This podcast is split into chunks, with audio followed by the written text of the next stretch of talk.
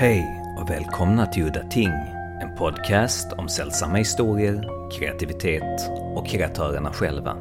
Mitt namn är Henrik Möller, musiken är skapad av Testbild och loggan till podden är gjord av Malmökonstnären Nalle Chinsky. Det här avsnittet ska handla om Matt Cardin och hans bok A Course in Demonic Creativity, perfekt för just den här podden. För den boken handlar om just det som alla som inte vigt sitt liv åt att skapa har väldigt svårt att köpa. Alltså musan, demonen inombords som befaller och driver konstnären att skapa. Och det är det här vi ska djupdyka i nu, och med hjälp då av Matt Cardin. Mart Cardin, han är ju kanske mest känd för att han är en av Thomas Ligottis lärlingar och tillsammans med John Paget, som också varit gäst här i tidigare avsnitt av Udda Ting, driver de tillsammans Grimscribe Press och håller just nu på att ge ut det extremt högklassiga fanzinet, eller journalen får man kanske kalla det, Vastarian. Men mer om det senare. Vem är nu Matt Cardin? Matt Cardin skriver i boken om någon skulle vara så framfusig och försöka ge dig råd om kreativitet, var då väldigt noga med att kolla upp den personens CV och trovärdighet. Det var en så pass bra början på en bok att jag gillade Matt direkt. Om man nu ska gå in på ämnet så finns det faktiskt två skolor, man kan faktiskt generalisera här. Allt som är ett konstverk som konstnären skapar är ett hantverk och alla människor kan bli en konstnär, det gäller bara att ha tillräckligt bra arbetsmoral och jobba hårt så löser allt sig. Den andra och mer flummiga skolan säger att det finns en musa, en demon som driver och talar genom konstnären. Jag som rationalist ligger då närmare den första såklart, men med åren så har jag faktiskt börjat omvärdera det sistnämnda. Att det var absolut nödvändigt att ha ett avsnitt av Udda Ting dedikerad till just det här. So okay, en old question. Why this book? How did idea come to you? What interested you when you started? And while you were researching this book, how did it evolve? Did you discover new things that surprised you and grabbed your attention and pushed your interest in a, another direction? A nexus, a convergence of different interests. From within the paradigm of the book itself, I would say that it was driven by my own uh, demon, you know, my own my own muse that was that was uh, causing me to be interested in such things. But uh, I had uh, been for quite a few years at the time the idea for the book uh, came to me. Uh, of course, in, in demonic creativity, I had been interested in um, supernatural horror and had been writing in that field, and had been a quite a quite an avid reader in that field for many years. And I also was interested in um, religion and spirituality and esotericism and that kind of thing. And um, in my own experience of my relationship with those subject matters and with my own creativity, both as a, a writer of fiction and a writer of nonfiction, uh, I somewhere along the way, and I can't pinpoint it, I, I intuited um, a connection with the idea of muses and with the idea of uh, forces uh, maybe maybe within the psyche or maybe uh, communicating through the psyche but seeming independent of the psyche. Uh, uh, communicating with one and driving one in life and in creative work. And when i became conscious of it that was probably circa 2000 i don't know 2005 6 7 something or 3 4 5 something like that when i first really became conscious of it. And uh, in 20 in 2009 i believe i decided to make a blog out of it titled demon muse. And then the things i began writing for the blog ended up sort of organically becoming chapters in this book that i hadn't known i was writing. So that's not really a straight line answer but just over time i, I realized huh these things that i'm interested in all sort of converge on this idea of of a creative intelligence that feels like it's in some sense uh, autonomous uh, collaborating with a person collaborating with me in creative work. And uh, so, with my scholarly reflective bent, I really wanted to learn about, about that as much as I could. So, I started reading about it, started writing about it. Eventually, it seemed like I was led to make a book that I just gave away for free. Did you come to any conclusion with your researches about the book? About the maybe about the uh, the ontological status of such things, but but the conclusion is specifically a conclusion of indeterminacy. Um, some of my philosophical um, mentors, some of my guiding lights uh, in that area have been people like Robert Anton Wilson, um, whose um, model agnosticism has been very influential to me. Well, he was an American writer who died, I believe, in 2012, and um, he was a writer of fiction, a writer of nonfiction, and a writer of things that blend fiction and nonfiction to the point where it's hard to tell what one what is uh, fiction and what is nonfiction. He even, I think, deliberately tried to confuse the categories. He deployed what he called a guerrilla ontology, uh, sort of the, uh, which I guess the term implies that uh, he was trying to write so that people's sense of what was real and what was unreal would become destabilized, perhaps making them doubt things that they didn't realize were capable of being doubted and uh, maybe accepted the possible reality of things that they had never uh, thought they would accept. And uh, he himself, uh, in one of his early books titled Cosmic Trigger, Cosmic Trigger, he wrote a kind of memoir in that book where he described a period that he went through of uh, deliberately induced brain change, he called it. I think this would have taken place during the 50s, 60s, and early 70s. And he, he had various experiences that could easily be interpretable along the lines of Jungian synchronicity or along paranormal lines or extraterrestrial lines. And um, he uh, came to a position on the far side of that where he didn't believe or disbelieve. Referring to it, he used the ancient um, esoteric term from Arthurian legend, chapel perilous. Chapel perilous to refer to that space that a person goes through, sort of a liminal psychic space, a liminal experience where a person feels like maybe they're being guided and helped by some sort of external entity or intelligence, but can't be at all sure that it's not pure hallucination or just or just pure delusion.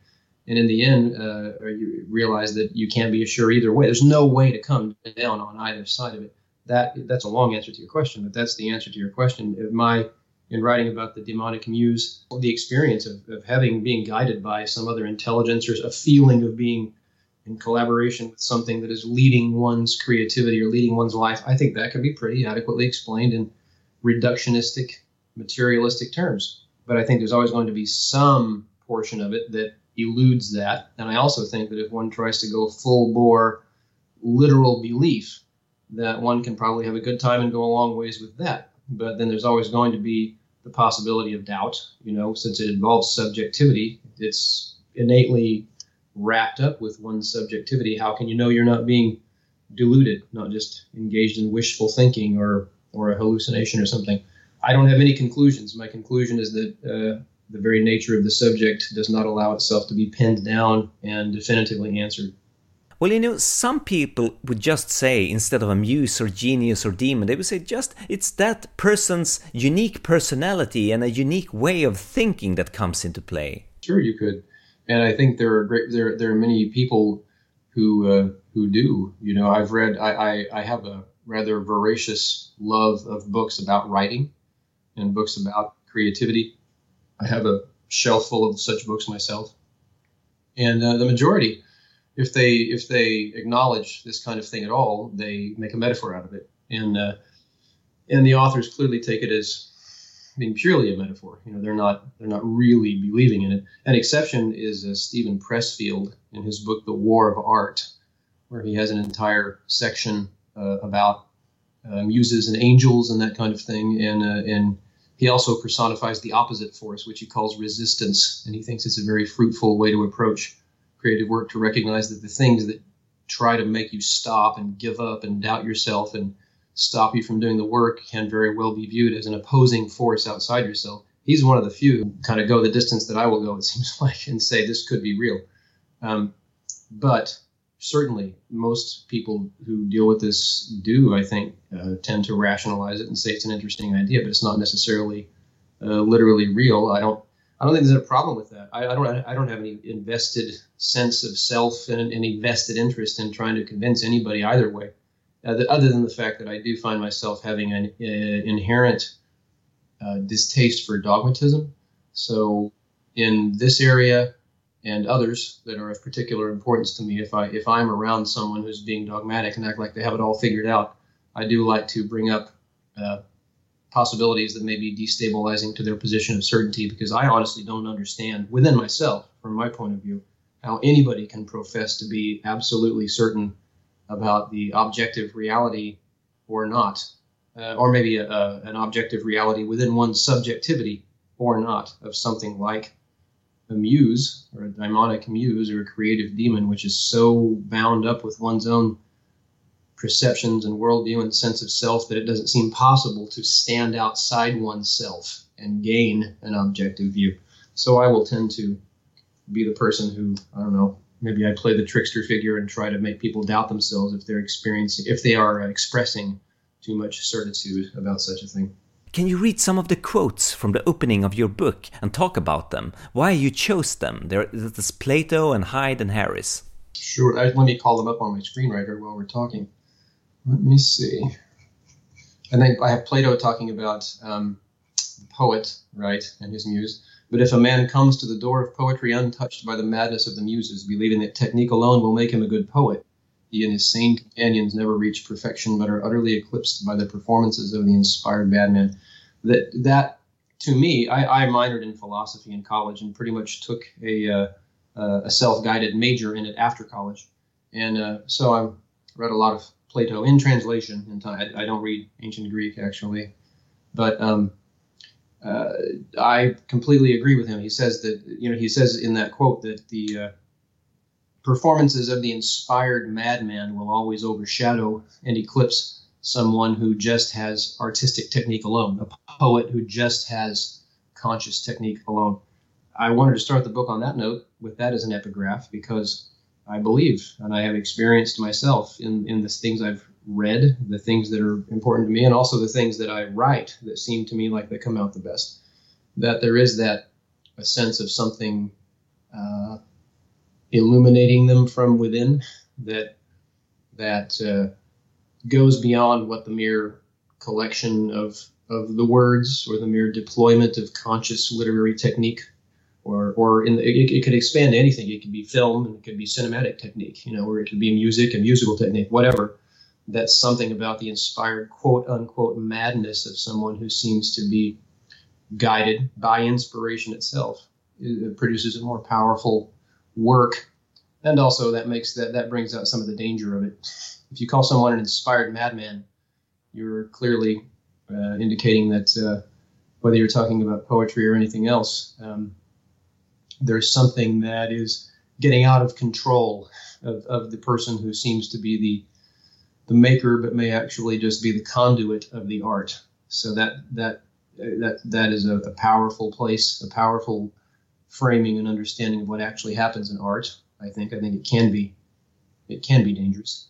The quotation from Lewis Hyde uh, was uh, from uh, his book titled "The Gift," "The Gift," which is about it's basically about the the importance of of gifting and the exchange of gifts, including art, in world cultures and history.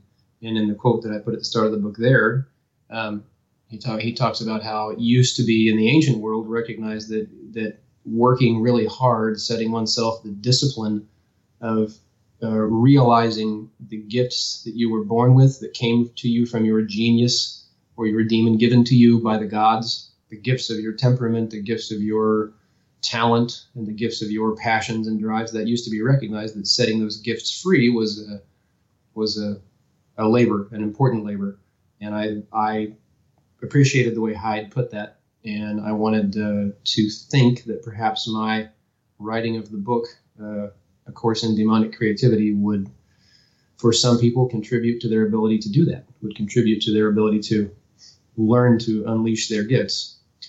And then um, the quote from Harris, uh, it's interesting. This this quote talks about how um, it, it, it, talks about the, the, the, the, muse and the genius and the daimon and so on and so forth, and talks about how it defies rational analysis. And um, he talks about how it has its own timetable. You, you can't actually plan on it, you can't strap it down and make it do what you want. All you can do is kind of court it. He uses the term woo. It can only be wooed, and then he puts a, a dash in there, says, and it can equally be stifled. Uh, Harris wrote that. I wish I could locate the source again. I might be able to. that actually comes from, um, if I recall correctly, a paper or an article that he wrote that had something to do with uh, architecture or engineering or something like that. It was it was not like Plato and not like Lewis Hyde, where that those thoughts came in in a context where they could be expected. I was really struck. I was looking for. I was doing online searches for for these terms. You know, muse, daimon, genius, and I found this man saying this and thought, look at that. He's talking about how it, it defies rationality. It's something you can stifle and you can basically kill it in your life, or you can invite it, but you can't control it. It will come or not, you know, as it determines. And it was in the context of a completely other uh, presentation, not something about art, not something about creativity, not something about the humanities and the arts that I like. It was in a more of a science, technology, engineering, math type uh, setting. That struck me. I like the I like the broadness that that that brings to things. And then that, that's not noted when I included it as an epigraph at the start of the book. Its source is not noted. What I wanted to bring in there was the idea that uh, by using that as an epigraph, the idea that well, I'm framing my book about creativity by saying this thing we're talking about has, or if we take the reductionistic materialistic view, merely seems to have its own will, and it is uh, playing with fire to be to be trying to invite it because it is its own non rational power that will do what it wants if one actually decides to start trying to invite its presence and learn how to collaborate with it. I'm curious when you talk about the dangers of inviting the muse or embracing it. What exactly do you mean? I'm going to take a Hollywood example briefly. Um, did you see uh, The Dark Knight?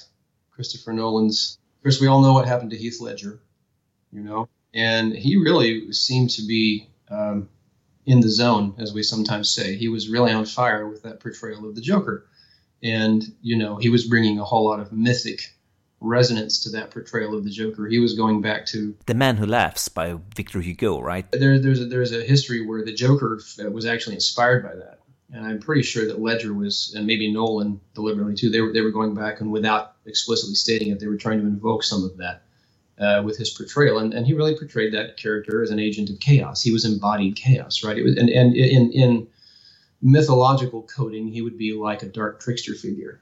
Well, you could tell he was method acting the hell out of that. You know, he was inhabiting that role, and then of course he had his uh, unfortunate drug uh, overdose or combination of drug overdose and medical problem and died very young when he just really seemed to have hit the most powerful role of his career.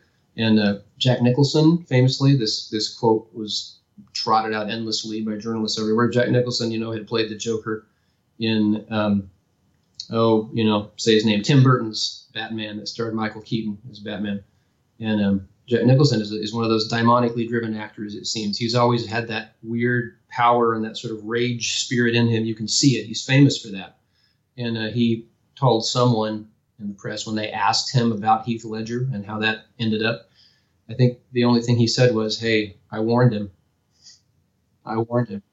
And I take that to mean he didn't elaborate that I know of, but I take that to mean he warned him about going that deep, actually calling down something like that, going that far into a character like that. He may not have had in mind what I have in mind. The other side I have in mind is that sort of trying to draw down, you would say, in esoteric terms, a character like that into into oneself to channel that into that portrayal. I mean, I've heard many actors in Hollywood speak about their characters in the third person.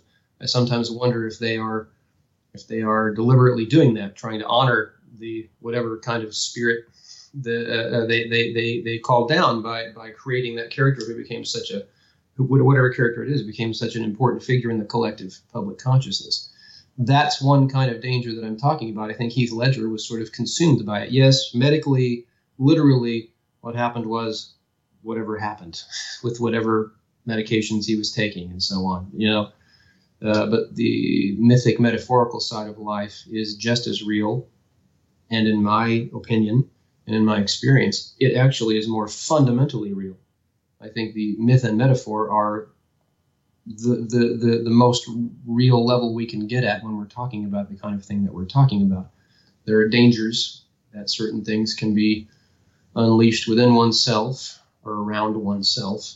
In my own experience, I had a, and I've talked about this in public before on several podcasts and in print interviews and such. I had uh, some devastating experiences with sleep paralysis beginning in the 1990s before I'd ever even heard of such a thing.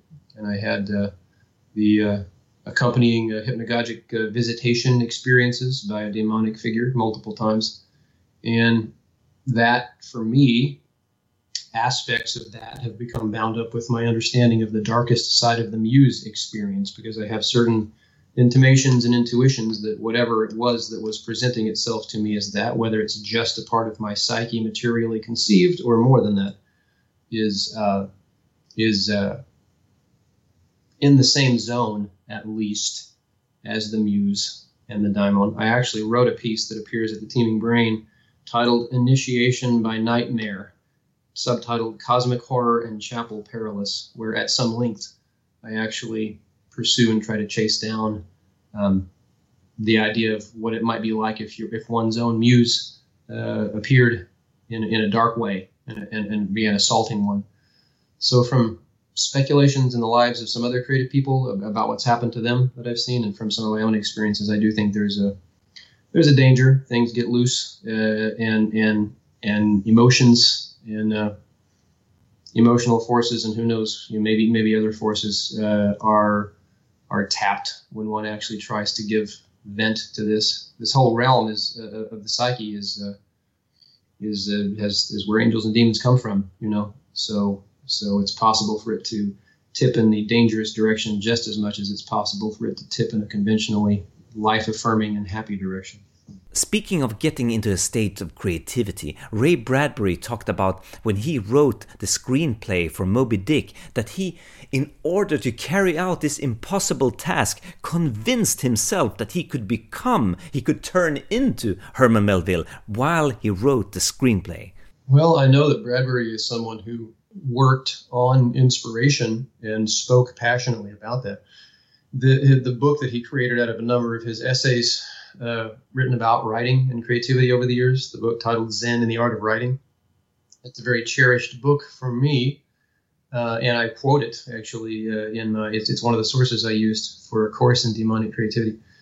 Um, he said he could. I haven't. I haven't heard that quote. He thought he basically thought he could turn himself into Melville.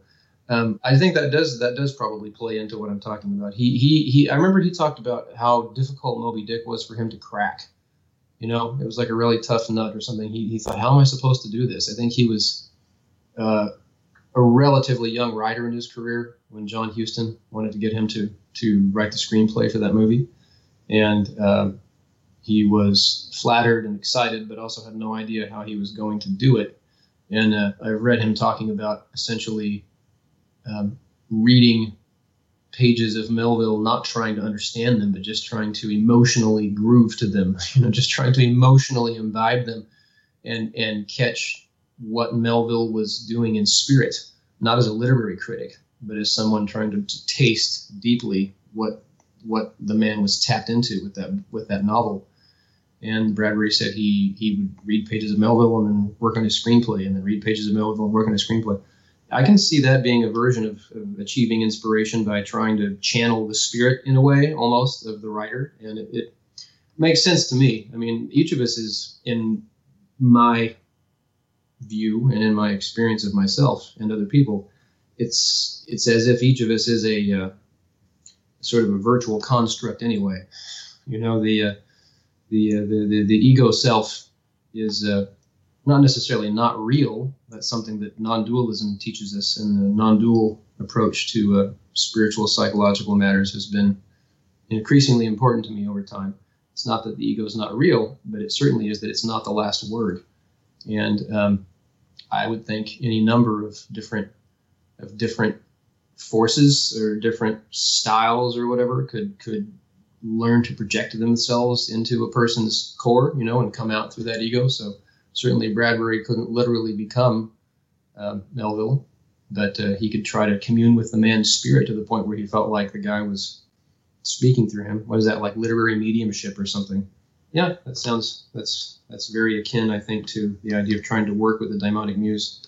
I, I don't write I don't write anything about that in the book itself. I don't talk about trying to commune with an author like that, but that would be uh, valuable way to go. Considering that I've written, uh, been one of the people who's written fiction in the Lovecraftian vein before, maybe that's something I should uh, consider. Well, it's the famous story that I've been talking about for many episodes of Udda Ting that Dan O'Bannon, the screenwriter of Alien, said in an interview that when he needed to turn on the juice and get inspiration, uh, he tried to go to sleep, and that state between waking and uh, going to sleep and getting out of this dream state into the waking state. That's where the magic happens. And uh, he, he what he means is that uh, in that state you can get access to the ideas that are usually blocked by your brain in your waking state. So, that state when one is waking up from sleep uh, and is in the liminal zone there uh, is the uh, the hypnagogic state. That's exactly the state that I was talking about, in which my sleep paralysis experiences and most sleep paralysis uh, visionary experiences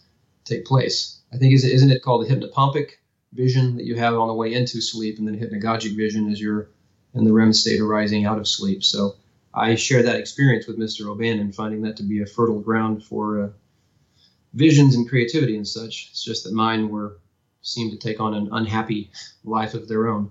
I, I, and I've actually kept a dream journal for some years myself, and I found that to be valuable when you're when you're sort of um, arising out of the depths of the ocean of the unconscious, as it were. Maybe in uh, in, in, spiritual terms, one can almost say you you've uh, sort of submerged back to the source, you know, recharged, kind of, and, and, sort of merged again with with with whatever deep source there is in dreamless sleep and then come back up to uh, reassume one's individuated existence again.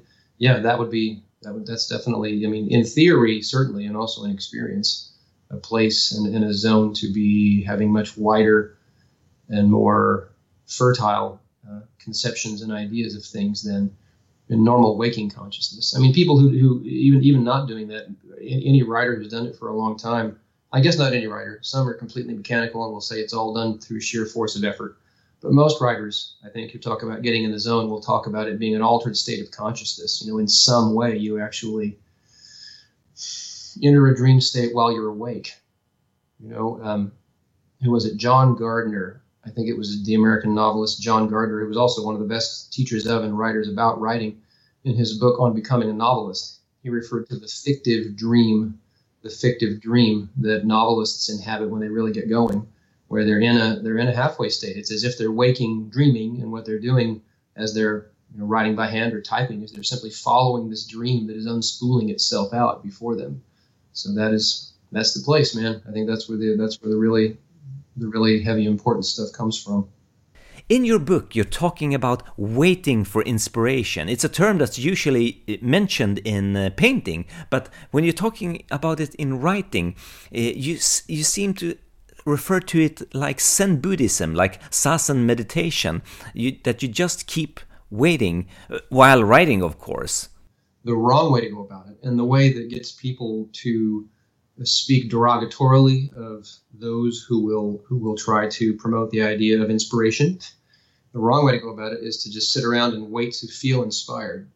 Just wait until supposedly uh, one has an idea or one has an inescapable prompting to write something whether it's a song or a short story or a poem, or it could be in any other area. It could be starting to write a business plan. You know, it could be starting to build a bookshelf or something. There are all kinds of art. There are all kinds of creativity. But there are people who mock the idea of inspiration, um, whether they're talking about it in the context of a muse or just more conventionally.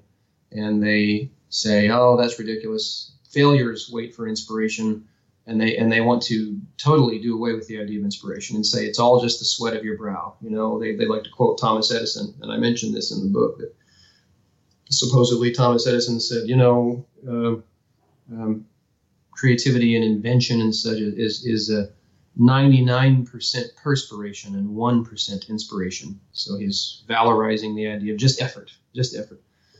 I think that's stupid. It's like um, Elizabeth Gilbert said. Um, the 1% inspiration, it may just be 1% inspiration, but that 1% inspiration is the pearl in the middle of the oyster, which, which is the 99% perspiration.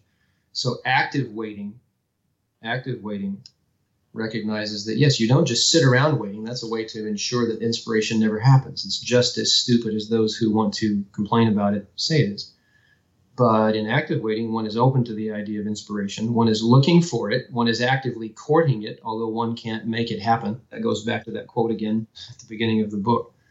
And um, perhaps one is training oneself. If you're a writer, you are you are uh, practicing craft, practicing technique, imitating your uh, imitating your favorite writers. You may be reading things that are of interest to you. You might be keeping a dream journal. I give some ideas in the book about things like morning writing when you are in that half awake state, making sure you write some pages in the morning. There's other things to do as well.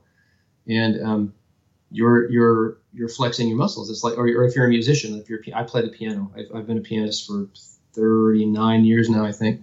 I've played a lot of scales and a lot of cadences in my lifetime. You know, so you're doing that, and you're refining things to the point where, if and when inspiration does strike, um, you actually have developed your skills to the point where you have made yourself uh, a vessel, a conduit that can bring this forth. It doesn't matter if inspiration strikes and you have the most wonderful idea for, let's say, a short story that ever came to any human being.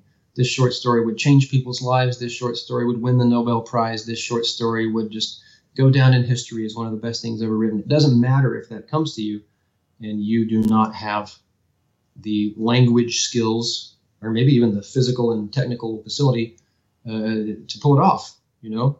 So uh, that idea might go looking for someone else. That's something that happens, by the way. You, you don't do something yourself and you, that came to you and you find out not long later that someone else did it. I don't know what's going on there.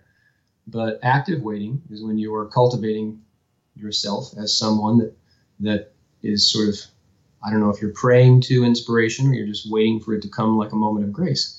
You're ready for it when it shows up. So it is your effort that invites inspiration. Well, one of the best pieces of advice I ever got was from Robert McKee. That Robert McKee said that when you get writer's block, all you need to do is to go and research the subject you're you need to research about that you're writing about. And when you do research about the subject that you're writing about, you will immediately be inspired and uh, get back on track. That sounds like good advice to me. I would think also having uh, non-library experiences could be good too. You know, just kind of. Uh, remaining uh, go, put yourself in some situations where you're just going to have to have to live maybe put yourself in high energy situations or unfamiliar situations or other other other settings around other people maybe people you're not familiar with or whatever you know kind of fill up the fill up the well again that's that can happen that way i also think at the same time that that can be done on an inner level as well you know there are uh, uh, inner travels to be made, just like there are outer travels to be made. There's all kinds of places one can refill, but the metaphor of of kind of a well is useful, I think. And he didn't. I don't think McKee said that, um, but that's uh, seems to me to sound like what he's getting at. You can run dry, and you do have to refill somehow. I really uh, practiced a whole lot of uh, mindfulness and like presence-based spirituality in recent years. I, sometimes I say I'm a, I'm a uh, Buddhist Christian or a Zen Christian or something. Uh, I could just as well call myself other things. But um, one obvious way that things can happen is through visionary and dream experiences that just come unbidden and can show you all kinds of things. Just ask, just ask Carl Jung, you know, who helped us to see the entire history of world mythological traditions coming out of us spontaneously in the dream state. Uh, that can happen. Uh, one can get quiet, undertake meditative exercises of various kinds, and find that Maybe the well isn't dry. Maybe there there are uh, memories of sense experiences or ideas or conversations or films or books or just emotions that one has forgotten for a long time that can come back. There's various chambers to be unlocked inside a person.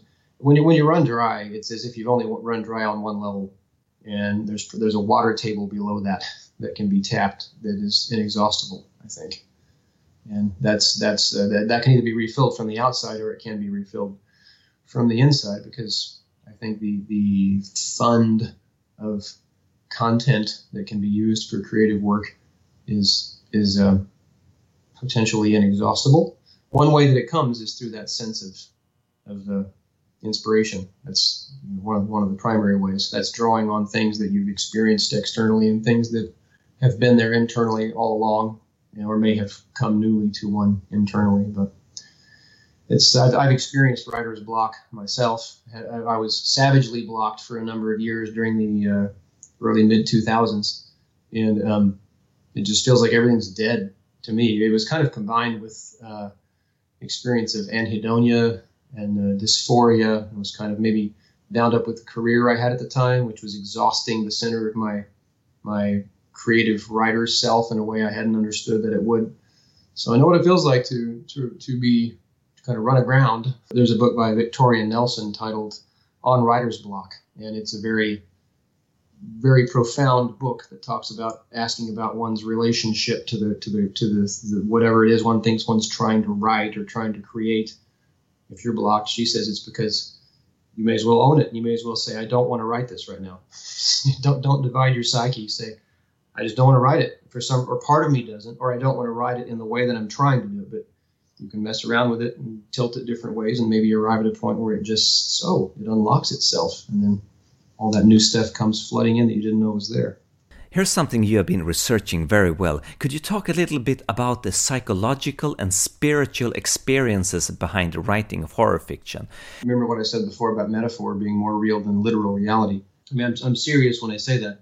I assume you've seen uh, Candyman, you know, uh, and of course that's based on a story by uh, Clive Barker, you know. That to me was a, was a very good, uh, very good fictional dealing with this idea. You know, they, they it, it of course shows how the the the, the the monstrous spiritual figure of Candyman uh, all is, is only there because this this impoverished uh, community believes in him. You know, and it turns out on the side of a place where this atrocity took place in the past. There are these urban dwellers, and and there's this this ghost figure with the hook for a hand. You know, who's actually able to kill people literally. Um, but I think it dealt it, it, it, deals with that that very idea. In the end, you see that uh, the character played by Virginia Madsen, you see that the character played by her, uh, she she takes the place of Candyman at the end of the first one because she's become this creature of of legend. That's for real. That's for real. And like I said about the muse at the beginning of this, the demonic muse, the daimonic muse. Um, I leave I leave the the question of the reality of such things, of the literal reality of such things, uh, open you know, I don't, I don't even know if it would make sense to talk about their literal reality because they're so bound up with consciousness. They're so bound up with subjective side of, of us talking right now. That doesn't mean that as forces in the psyche, they may not be real and therefore be more real. In our psyche, we're ontologically hooked to the root of reality, I think. Maybe I'm making an unwarranted assumption right there. Stanley Kubrick once said that the best effect of a work of horror depends on, well, of course, apart from the craftsmanship of behind the work, on the audience superstition. And there's a counterbalance that needs to happen to anything. I know there are people whose lives are just dominant, and there, and there are whole regions of the world where, where most people's lives are dominated by superstition in its most pernicious aspect. Um, on the way home tonight, I was uh, listening to a uh, an interview, a podcast with an interview that I had downloaded today from um, the website for the American Scholar. And it's sort of, they, they had this interview in honor of Halloween coming up. And it was um, an interview with a British scholar who had written a book about witches, you know, and, and the history of, the, of belief in witches and persecution and all that kind of thing. And all these things, I feel like there's a, there's a balance that's needed. There, there are times when either because of the time period one lives in or because of the, the culture one lives in and its relative uh, beliefs and particular emphases relative to others, uh, or because of geographically where one lives, that it's it's nice to bring in and emphasize more the Apollonian, rational, uh, light-filled, sunny aspect of things, and try to counterbalance superstition with some measure of enlightenment, classically conceived. You know, and then there are other times when things are so locked down by rationalism that uh, the Enlightenment and scientism have become uh, their own self crucifixion, cut themselves off from reality. And somebody really needs to step inside and destabilize things, and maybe they all need to have a dose of feeling themselves, uh, you know, attacked by supernatural entities or something, have something confuse their worldview, so that with, with, with a bit of a Dionysian upset. So, I'm not somebody who thinks that we just have to. Uh, everyone should uh, desert the Enlightenment and and and uh, think that the people who are living in superstition in various parts of the world, where it really is making them suffer, uh, are are having it better. It's in, in all things there needs to be some kind of moderation because both halves of that equation, the Apollonian and the Dionysian, or however you want to phrase that the yang and the yin. You know, those are those are both real principles. Those are both necessary, real components of life. I just read recently in a book, in a Swedish book about the old uh, pre-Christian pagan times, that a woman being a witch doing witchcraft into the wood, in the wood, in the middle of the woods, weren't really a problem. But the problem was that by doing witchcraft, she kind of attracted other evil spirits or trolls or things like that, and they didn't like that. That's amusing. I hadn't heard that before. The, the witches weren't the trouble, but the the uh, the uh, pesky uh, supernatural beings that they attracted were the trouble. It's amusing. There was a book written about the Ring films. It was called The Ring Companion by Denis Meikle. And in that book, there was a few lines that struck a chord with me. And he argued that uh, for him, The Ring was one of the first films in modern history that uh, didn't have that life affirming, funny horror. It was really dark and depressing. And it, he wrote, it was filled with disturbing and sometimes distressing subliminal messages designed to exert a malign influence on the beholder. It was like a Defense Department study into methods of psychological warfare. What the ring does, in essence, is include not pleasurable fear, life affirming and cathartic, but rather depression and psychosis, unhealthy and downright dangerous. That was something that really struck a chord with me and i thought maybe do you think somebody someone had really constructed a mathematical formula how to induce fear and horror on the audience or the reader for that matter? Plenty of room for uh, speculation about making a story there as well. I, am sure that other people people have done it you know. Um, today the the uh, the state of uh, study of human perception you know, in, in, the context of neurology is getting so advanced. And you see some of the uh, some of these articles you read in the work of people you see, like you get these people who are professional illusionists who are who are who are using, or, or these labs that are working that, to to figure out just exactly how they can screw with our perception, not even through all those sophisticated means. Have you seen the have you seen the things about people like they put the blanket over their shoulders and they stick the dummy's hand out and their own hand out on the other side and they can, you know, the, the people can almost report feeling it when they stick the dummy's hand with a pin or something like that. You know, if they if they put it relative to their their body position and their sight line uh, where their own hand would be. We're through that and some more some more means like I guess who knows you know MRIs and, and other brain scanning techniques. We're learning a whole lot about the way um, the way we neurologically process things, and I think some philosophical things, some philosophical uh, movements uh, hooked to uh, the neurological study of things are getting pretty advanced and trying to see how our consciousness is embodied in the world and not necessarily just in our bodies, but in, in, our brains and nervous systems, but can be considered to be distributed in a field around our environment. That's some cool stuff. I think you have some fertile ground for for worry when you you you start to strap that down to some of the things that DARPA and who, who the hell knows what are going to try and be try and do uh, uh, in, in, in using this for military purposes. I'm sure there is.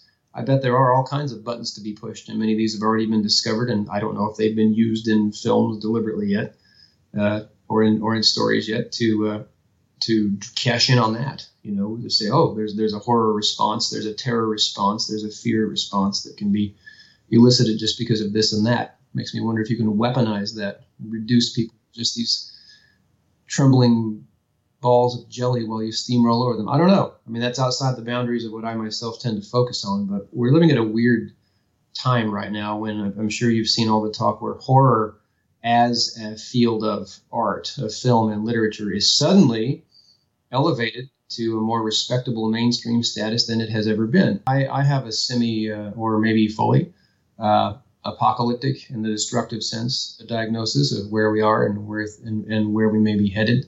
I feel like dystopia is a real possibility that's not just in the future, that is unfolding in many places, not everywhere, but many places all around us. John Skipp is an American horror writer, 2003, 4, 5, 6, whatever. He said, uh, These are horror times and he took that through several permutations of kind of explaining why in rather lyrical fashion, but he would always return to that statement. These are horror times.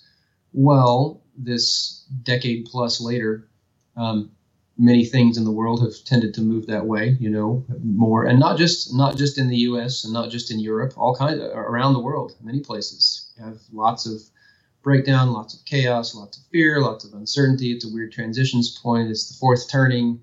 It's who knows what it is. Um, but we are seeing we are seeing right on cue, if that's if what he was talking about was true, the the sort of resurgence of supernatural horror that began with the turn of the millennium, you know, um, reach this what seems to be a sustained wave going on for the past 10 years or so. And then just the past two three four really reaching heights. Uh, i don't know that, that always stayed with me these are horror times something about the, the stars are right in lovecraftian terms you know we, we've reached a point where that seems to be something that speaks through and that speaks to people perhaps in greater numbers on a longer lasting basis than may have previously happened, at least in our modern technological societies. It's not that we haven't had hard times. Well, haven't people always said that? I mean, back in World War II, they said that, and during the Vietnam War, they said it's the end of the world, and these are horror times, and uh, horror movies and things like that flourished. Or which, of course, after the war, it became the other way around, and people were tired of all the dep- uh, depressive stuff, and they wanted something happier. And yeah, I don't, I don't know. I mean, d- back during World War II, you know that's what the U.S. came out of the depression during that period, and I guess other places did too. And you had the you had in America, you had the great Universal uh, Studios horror cycle, you know, starting with Frankenstein and Dracula and moving all the way through the Mummy and the Wolfman and all that. And then in the 1960s and 70s, you had this explosion of horror. Like 1968, you know, was the year basically the world blew up, and uh, and uh, you had Night of the Living Dead create the modern zombie figure just almost out of whole cloth right there and you had the 70s explosion of, uh, of uh, classic horror with uh, George Romero and David Cronenberg and that kind of thing. And it was happening at the time when, when uh, in the U.S. and elsewhere there, were, there was a sense of things falling apart, kind of like now. Things felt rather apocalyptic. What's interesting, I, don't, I don't know why the difference, but the difference is back then that was underground. You know, uh, Night of the Living Dead was was a, a, a, a drive-in film and Dawn of the Dead, where Romero had said originally with Night of the Living Dead, oh, no, no, it's not social commentary. I only have a black main actor because that's the best actor we could get for our budget, you know. Oh, come on, man. Then you get to Dawn of the Dead, and we all see it's an explicit satire on consumerism, right? Uh, so it was speaking to the times, and we had horror times again. But the but the Cronenberg films and, and the uh, and the the Romero films and the others of that era, Texas Chainsaw Massacre, Tobe Hooper, they were underground films still they were transgressive. You weren't going to go down to your to your movieplex, the, you know, they didn't exist like they did today. But still, your movie movie theaters and uh, see those today. It's gone mainstream. It's all major mainstream press writes about it. The New York Times writes about it. You know, you can go to a movie theater. You can go in one and you can see the latest Disney princess movie, and you can go in the other one and you can go watch I don't know Get Out or you know It Follows a few years back or whatever some years ago, you could go see, uh, God help us all, something like Hostel 2, and you know have an Adam Sandler comedy next door to that and a kids cartoon next door to that. Well, now it's got the mainstream literati and intelligentsia talking about what a powerful artistic expression of the times horror film and horror literature are, and all the identity politics of the day are coming out in these attempts to rewrite Lovecraft, you know, and and uh, deal with his racial issues uh, from other sides and so on. I don't know why, but it's something long simmering, maybe coming to fruition right now. I have no, I have no answer. I really don't. But to see it happening and to be alive right now while it's happening is striking. What are your preferences in horror fiction? Or more, more precise, what aspect of the horror fiction resonates with you? It's always been uh, supernatural horror. Now, I did, like, I've read The Silence of the Lambs, which was actually a surprisingly good book, surprisingly good on a literary level, and that's pure, exquisite psychological horror. You know, but supernatural horror um, of the like the stuff I was talking about, uh, Machen, Blackwood, Lovecraft, even Shirley Jackson, uh, Thomas Ligotti, Ted Klein, that kind of thing. Those have been my those have been the things that speak most to me. I mean, I I gravitate to them maybe because of my personal experiences, maybe because they speak to that thing that was already in me before I ever got consciously into that field where I'm I'm fascinated by the confluence of uh, spiritual matters and matters related to supernatural horror. That's probably it. Is that those that that's the, the weird supernatural fiction cosmic horror fiction too speak to that sort of question and that dividing line of uh, what makes us human sense of ourselves and our sense of what makes up reality come into question and see that sense of the uncanny and that sense of reality being destabilized generated. Religion does that too. It just tends to for most people do it in a different way. If you if you become a christian or if you become a buddhist or if you become a muslim uh, and you you had really been and it was really a, a, dramatic conversion from to a new way of being for you. You were seeing your conception of the universe and who you are within it and what runs it being destabilized, and things have to const- constellate again in a new way. Horror fiction of the type I'm talking about does the same thing and may point to valid spiritual wings of experience that come for you sometimes. I come back to my own experience, you know, of a rather existential horror. I didn't seek it out; it came for me. So, what was it that came to you? Do you mind speaking about it? Well, you know, they, uh, talking about what happened uh, over time with my experience, my my nocturnal experiences of a horrific nature. Um, you know, sleep paralysis occurs when you come to partial consciousness, uh, to waking consciousness, but you're still paralyzed. You're, you're, you're, there's an automatic paralysis that sets in during uh, during a certain stage of sleep uh, atonia, I guess generalized atonia it's called, and um, you can't move. And many times you feel like you're suffocating. And for some people, there's an overwhelming sense of terror that comes with it. It seems like it's part of it. And for other people, there there are visionary things that happen. And I had a demonic seeming figure uh, appear and kind of try to. Its very presence was was like sucking me in, like it was annihilating me, and uh, that happened several times in various different permutations. It happened, and it seriously marked me. I did I did think that I was actually going insane for three or four years, and uh, so my whole my whole outlook on things started to change and become much. It sort of it affected my emotional life. Uh, I kind of had a darker, more more depressive uh, view of things, and it seemed like the supernatural fiction that I had read for some time certainly uh, took on new new uh, heights and depths of meaning for me. It seemed like when I first read Thomas Ligotti, uh, I felt like I, I could have written that if I had been able to. I had written one story prior to that, my story Teeth, which ended up being my first story published and, at Thomas Ligotti Online. And uh, it, it could have been could have been trying to do Ligotti pastiche before I read Ligotti. You know, his view is extremely dark, and and and uh, he doesn't really believe in the supernatural but he certainly uses it as a metaphor for talking about his view of life and human life being the enthrall of forces that that are uh, fearsome and horrific, and the the, the principle, uh, the life principle itself, having something behind it that is intrinsically nightmarish, so that conscious life is an embodied nightmare. Uh, yeah, I, I started moving in a direction like that from what had happened to me, and finding out that lots of the horror fiction I had read uh, and was continuing to read, like Lovecraft and others, really seem more serious now. It's like, oh, no, this is actually explaining in symbolic form uh, exactly what I'm trying to say. These things can come for you unbidden, uh, uh and and uh, I in that in that blog post I talked about cosmic horror and Chapel Perilous. I uh, talk about the sort of initiatory visionary experience that is pursued by some by some people in a, in a spiritual settings, especially in the esoteric and occult spiritual circles, you seek an initiation. And I speculate in that blog post that it's possible that sometimes you don't have to seek it, that maybe an initiation of some kind seeks out you. And as with all initiation experiences, you're thrust into a liminal space where a transformation happens and you basically emerge some uh, different person in some respect. It's certainly caused me to have a greater responsiveness to certain forms of art and literature. That's a very Ligottian idea. I mean, that evil seeks you out. You don't really have a choice. You didn't do anything wrong. The evil just seeks you out. It comes after you.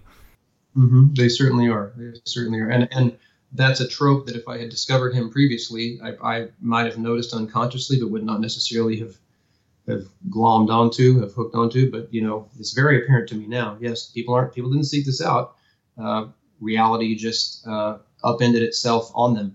Well, that's a very anti religious idea, what you just said. Usually in religion, you get what you deserve. You fall into temptation and you, you like invite Satan or you invite the demon into your life. You're right, it is. Although Although uh, you know there are there are people for whom uh, religion has come unbidden, like you're familiar with C.S. Lewis, I know. Uh, in his description of his conversion experience, he's talked about uh, being alone. You know, he had he had a series of stages that he went through. Like he he was raised as a Christian, and then he became an atheist. You know, and then he became a Berkeleyan idealist, and then he became a theist, and finally became a Christian.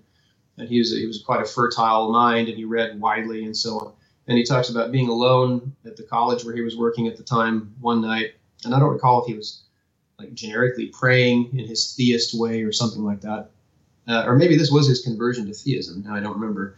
In any case, he described it in terms like it just happened to him, and he said he he sensed this thing coming for him. He knew that it was it was then or never, and he said he he, he it had been coming for a long time, and sort of unwillingly he got down on his knees and prayed in his room there, and uh, he said he he what did he say? He something something like he got up after that the most unhappy and unwilling convert in all of England, or something.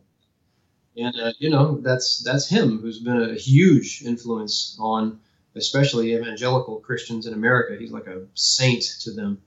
Um, so to some pretty major people, I think things like that have happened. I don't think in the account of the founding of Islam, I don't think that Muhammad sought out the experience of the angel Gabriel speaking to him and dictating the Quran.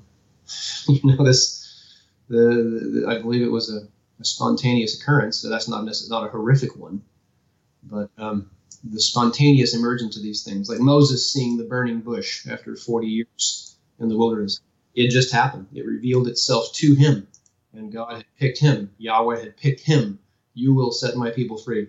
I don't want to, get somebody else. Remember the debate that goes on right there in Exodus? You know, he says, he comes up with all kinds of excuses to the point where it says, and the Lord's anger burned against Moses because basically he was being an intractable jerk off. You know, he's, God says, no, I have picked you. And Moses like, pick my brother, pick this. And finally, he just gives, he says, just pick somebody else. He makes it generic, you know. Nope, I've picked you. I've picked you. So I think one could come up with additional additional um, instances of that where the, the deity or the religion picked someone. Your huge two volume history of horror, while you did this um, massive, must have been massive amounts of research, did you find any new horror stories that you were not familiar with? And did you find any stories that impressed you? One of the nice things about doing a project like that for me is that I recruit uh, other scholars. That's the third uh, encyclopedia like that that I created for that same academic company. The first one was on mummies, and the second one was on the paranormal. Um, this one, titled Horror Literature Through History, I ended up having 70 different contributors from uh, six different countries. And so, what I learned a lot about was was, was from them. You know, they, I, I was a very hands-on process for me, and I actually collaborated with a number of them in my editing of it, so that a number of the pieces in it really should have my collaborative byline on it that don't. Um, but I learned from them a lot about uh, backgrounds to horror that I hadn't known, and I didn't really learn any, any new, necessarily any new stories that I wasn't familiar with. What it was was I have a very good memory for um, uh, things I've read about, and I, I'm very good at remembering mentions of things. So basically, I've had a reading list over the years that's built up. It's far longer than I can finish in my lifetime. And just what happened with me was I, I, I, I learned more about when I, as, as I commissioned the 400 something articles for this book, that for this two volume set that I commissioned. I, I learned a lot more about many of these uh, stories than I had ever known, and it makes me want to read them more. Like, and some of them are, some of them are, are like classic things. Like I, I haven't read um, I haven't read Robert Bloch's Psycho. I haven't read. Uh, I think it's isn't it the Hichens uh, How Love Came to Professor Guildea. You know, there there are some of these classic supernatural stories and psychological horror stories. When love came to Professor Guildea. The How Love Came to Professor Guildea. It's it's about a uh, but a man who basically has this sort of uh, disdain for closeness to people and such and uh, essentially a, a, spirit in a house attaches itself to him that is that is that is like almost amorously desiring him or something. And so the horror is not just supernatural; the horror is the way it completely upends his sensibilities. I think I'm describing it correctly. But there are many, many stories I've encountered in anthologies over the years where I've not finished the anthologies, and some of these are anthologies that are that set the tone of the genre, like Great Tales of Terror and the Supernatural by Fraser and Wise, or uh, the Dark Descent uh, series, uh, or the Dark Descent anthology from the 80s, uh, put together by um, David Hartwell, that, that, that's like a, a one volume college course in the history of short horror fiction. I've never read them cover to cover, you know, and I had these people for my horror encyclopedia writing pretty incisive, in depth summaries and analyses of these stories and their authors. So I know a lot of people told me the book's been very successful critically and uh, commercially. I think a lot of people have read it, and um, I hear people saying, "Oh my gosh, you've given me so much new reading material." I say, "Well, yeah, I've given myself new reading material too because I'm reading these wonderful analyses of the stories, talking about why they're classics." if I, am getting a PhD right now, and so I'm working on my dissertation. I have I don't have time to read anything but that, but I'm, I'm waiting for waiting for time when I can go through and complete my education in the very thing that I had uh, through this encyclopedia been educating people in. Have you ever read any horror fiction as an adult that made an impression on you? Yeah, I actually didn't read. Uh, you're familiar with Ted Klein, T E D Klein? Yes. I didn't read him until I was an adult. started with his book Dark Gods so, Children of the Kingdom and Black Man with a Horn. Those both those both uh, really really struck me uh, very very deeply. And it's not that Nadelman's God and uh, Petey, also in that same you know collection of four novellas, are not wonderful. They are, but those first two, they just they just they just really lodged within me. So, like, obviously within you too, and and something about the intelligence with which they were told, and also the the nature of the horror that he conjures with them is really really really stayed with me. And and I told you about Thomas Ligotti for the same reason. It was like I was reading. Uh, it's like I was reading dispatches from from the darkness uh, inside me. Uh, that was that was very very powerful. I also didn't read um, the Haunting of Hill House by Shirley Jackson until I was an adult, and that was that was a fine experience. It's outside the vein of, of the of the uh, more cosmic and weird supernatural horror fiction that I tend to read. But uh, to see, I had seen The Haunting, directed by Robert Wise, probably half a dozen times at that point. It's completely brilliant. But when I finally read that, that was strong. Oh, hey, hey, um, I mentioned The Wendigo by um, Algernon Blackwood. You know, uh, are you familiar with Mark Samuels? he's a horror writer uh, who has really achieved a, a, major reputation the past few years. He and I got to know each other in by correspondence around 2000 and 2001, and then we went to a couple of conventions together and got to be friends. And we only correspond intermittently now, but he's he's a major figure uh, writing in in the field, um, and he uh, both his his story, The White Hands, which is the title story of his book, The White Hands and Other is it and other weird stories? Is that what it is? Uh, is wonderful. That book is recognized as a modern classic in the in the genre. So he's powerful. He's powerful, and he introduced me to. I had read The Willows years before, but somehow I had never gone on to read what maybe Blackwood's most well-known other story, The Wendigo. It was Mark who said, "You really need to read that." So I didn't read that until I was in my 20s, and I thought it reached heights of spiritual terror that I hadn't uh, hadn't seen before. I'm finding that harder to to get because I do find that I have become much less responsive to or much less easy to draw a response out of via fiction in my adult years. I've gravitated towards reading more nonfiction, and um, I, I don't know what what that is. Maybe it's because I read too critically or something, but it's not as easy to uh, enjoy fiction as it once was for me. The Shallows by Nicholas Carr. I know that you like that book. What did you like about it? Well, that's part of my dystopian diagnosis of things. Like I told you, yeah, I'm. I think he's he's he's done as good a job as anybody, and in his subsequent books, like The Glass Cage, and um, another one that he, uh, I think is, is it his most recent book is titled Utopia is Creepy.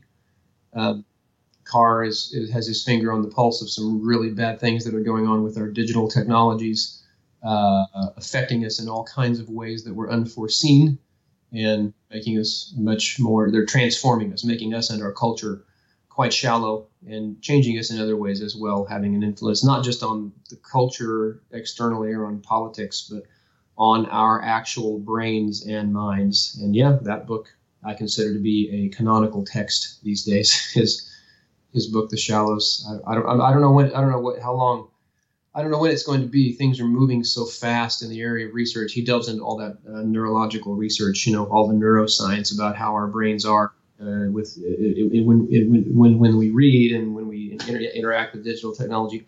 I don't know how long it'll be, maybe before some of the information in his book is dated, but I think his point that um, by and large, as as a literate culture, we used to be more deep divers than we are now, and and these days, as he puts it. Uh, he noticed that he himself was unable to read as deeply as he used to. He would sort of skim across the surface of the lake like on a jet ski instead of diving down. I've had the same experience, I think many other people have, in his analysis of his investigatory analysis and account of how no, the technology and our interactions with it may actually be making that happen on a brain level strikes me as devastating, especially since the people who are making decisions for us these days, I think, are all being deeply influenced by that very technology. I don't think things are headed in a very good direction. So, what are your predictions about the apocalypse? I think I, I don't know. surely there will be some kind of disruptions on an energy level. I mean, we're gonna we're gonna. I think we will face problems with the fossil fuels and our energy inputs into our high tech society. Although peak oil as a social craze seemed to have reached its peak, its own peak, you know, some uh, what a decade ago. But uh, but uh, there could be there could be major war. We could have nuclear war. We could have pandemic plague. We could have a, a computer meltdown. We could have uh, hackers take down electrical grids all across the world. We could have a solar storm. I mean, you know, there's all the stuff the preppers are prepping for and build and fortifying their bunkers for. Right? You can't account for any of that. I think uh, along the way, I think the most likely thing we're going to get is some sort of steady state uh, decline into a dystopian techno future of neo feudalism. that's my apocalyptic diagnosis, and it's not that's not future. That's already here for a great many people around the globe. More of that, unrelenting. I really don't, and I'm, I'm a pessimist maybe, but uh, I don't really see anybody turning anything around globally to have there be a, uh, or even locally in the U.S., for example, to fix to fix things. Uh, Morris Berman cultural historian named Morris Berman, intellectual historian named Morris Berman, wrote a book titled The Twilight of American Culture that came out around 2000, I think, 2001. And then he wrote two follow up books about the decline of the American empire. But the decline he's pointing at doesn't necessarily mean you're going to have like China rising or something. I think China has its own internal problems. I think the whole world over, we're going to have you know power differentials and and uh, winners and losers and geopolitics for a while and all that. But I really think that, I don't know, human nature being what it is and, and technology being what it is now, and the direction the world is moving now, uh, you're going to have a, multi, a two class system. You're going to have the, the super rich and you're going to have the increasingly shut out. That's what I think. Tell me about your story, Teeth, how it came about. Well, I, uh, I was having these traumatic experiences I was talking about, uh, leading to difficult uh, life experience in the 90s. And around 1994 and 1995, having been a voracious reader of Lovecraft and some other cosmic horror fiction, I came up with an idea for a story, or it sort of suggested itself to me. And I wrote it, and I had been journaling obsessively, by the way. And my journal was kind of a commonplace book, too, where I kept quotations from the various uh, philosophers and other writers uh, that I was reading. And the story uh, ended up being about a uh, college student who was a philosophy major who has a friend, and this is not long after I got out of college myself. I was in my mid 20s, uh, who has a friend who's completely brilliant that it turns out has been somehow tapped into some kind of strange force through his own studies and reading. His friend is a brilliant savant studying, majoring in like three subjects. And anyway, uh, ends up uh, introducing the narrator to it by means of a, uh, a mandala that the other character, the friend character, had had kind of drawn under compulsion, like this force had seized control of his hand and drawn this elaborate spiritual diagram. And he shows it to the narrator of the story, who finds that it opens up, yeah, the effect of it opens up this hole in reality and within himself that ends up turning his life upside down, and he's experiencing these waves of horror. And then his friend goes missing, and it turns out his friend has been completely taken over by this dark force that has been let loose and it and he uh, comes to a, a, not happy end.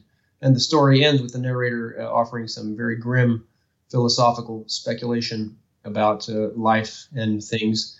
And really, you know, the kind, you know, you know, Ligotti's level of, of, of existential despair at the at the fact life itself is is horrible.